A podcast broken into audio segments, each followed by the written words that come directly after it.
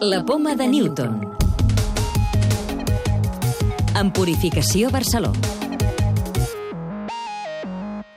Poder estar preparat per un possible brot a Catalunya d'una malaltia transmesa per mosquits és l'objectiu d'un estudi finançat pel programa Recercaixa que ha realitzat el Centre de Recerca en Sanitat Animal, el CRESA. Us en parlem en el programa d'avui.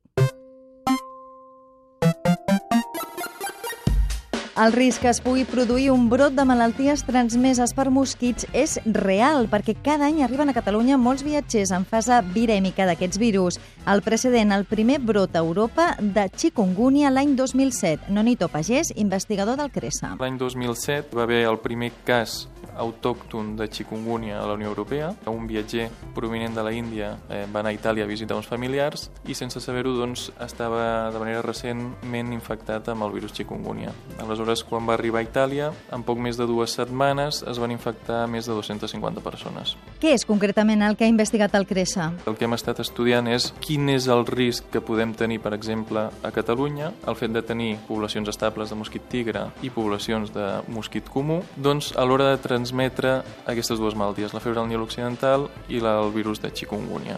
I quins són els resultats de l'estudi?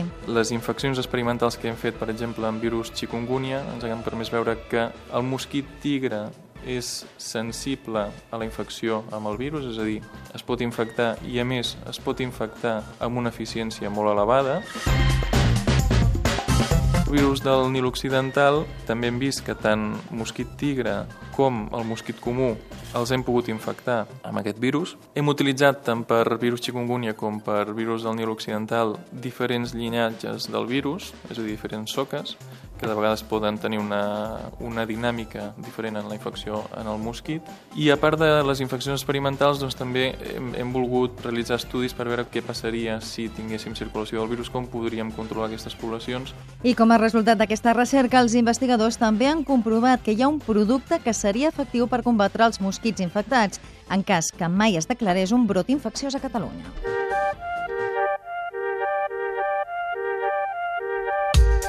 Us parlem també de l'Observatori Espacial Herschel de l'Agència Espacial Europea que ha localitzat una bombolla galàctica amb un embrió d'estrella al seu interior. La bombolla es troba a 4.300 anys llum de la Terra i s'ha format a partir d'una estrella embrionària que té una massa 8 vegades superior a la del nostre Sol. Investigadors del Centre de Visió per Computador de la Universitat Autònoma de Barcelona desenvolupen un programa informàtic per millorar el diagnòstic de danys després d'un infart. El nou programa pot contribuir a reduir la mortalitat després d'un infart en les malalties malalties cardíaques cròniques i assajar nous medicaments en les isquèmiques. A més a més, permetria evitar la ressonància magnètica de manera que s'estalviarien costos i temps. Un grup d'investigadors de la Universitat Oberta de Catalunya dissenyen un programa de tractament psicològic online per combatre el dolor abdominal en els infants. El programa pretén donar recursos a les famílies per afrontar el dolor abdominal recurrent dels infants, causat per factors psicològics.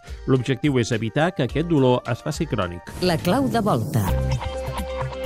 Per què les zebres tenen ratlles? Àlex Pérez, a l'àrea de Ciència i Medi Ambient de l'obra social La Caixa. Doncs hi ha tres hipòtesis. Una és per camuflatge, perquè quan corren totes elles es fa tota un, una melé de ratlles blanques i negres i això fa que els depredadors no acabin d'identificar una presa individual, tenint en compte més que els lleons veuen en blanc i negre.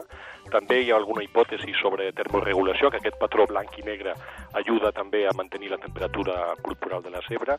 I la darrera important és que els preveu dels, de les mosques que xuclen sang dels tàbans i de les mosques 7C perquè no els hi agrada el patró que emeten les bandes blanques i negres.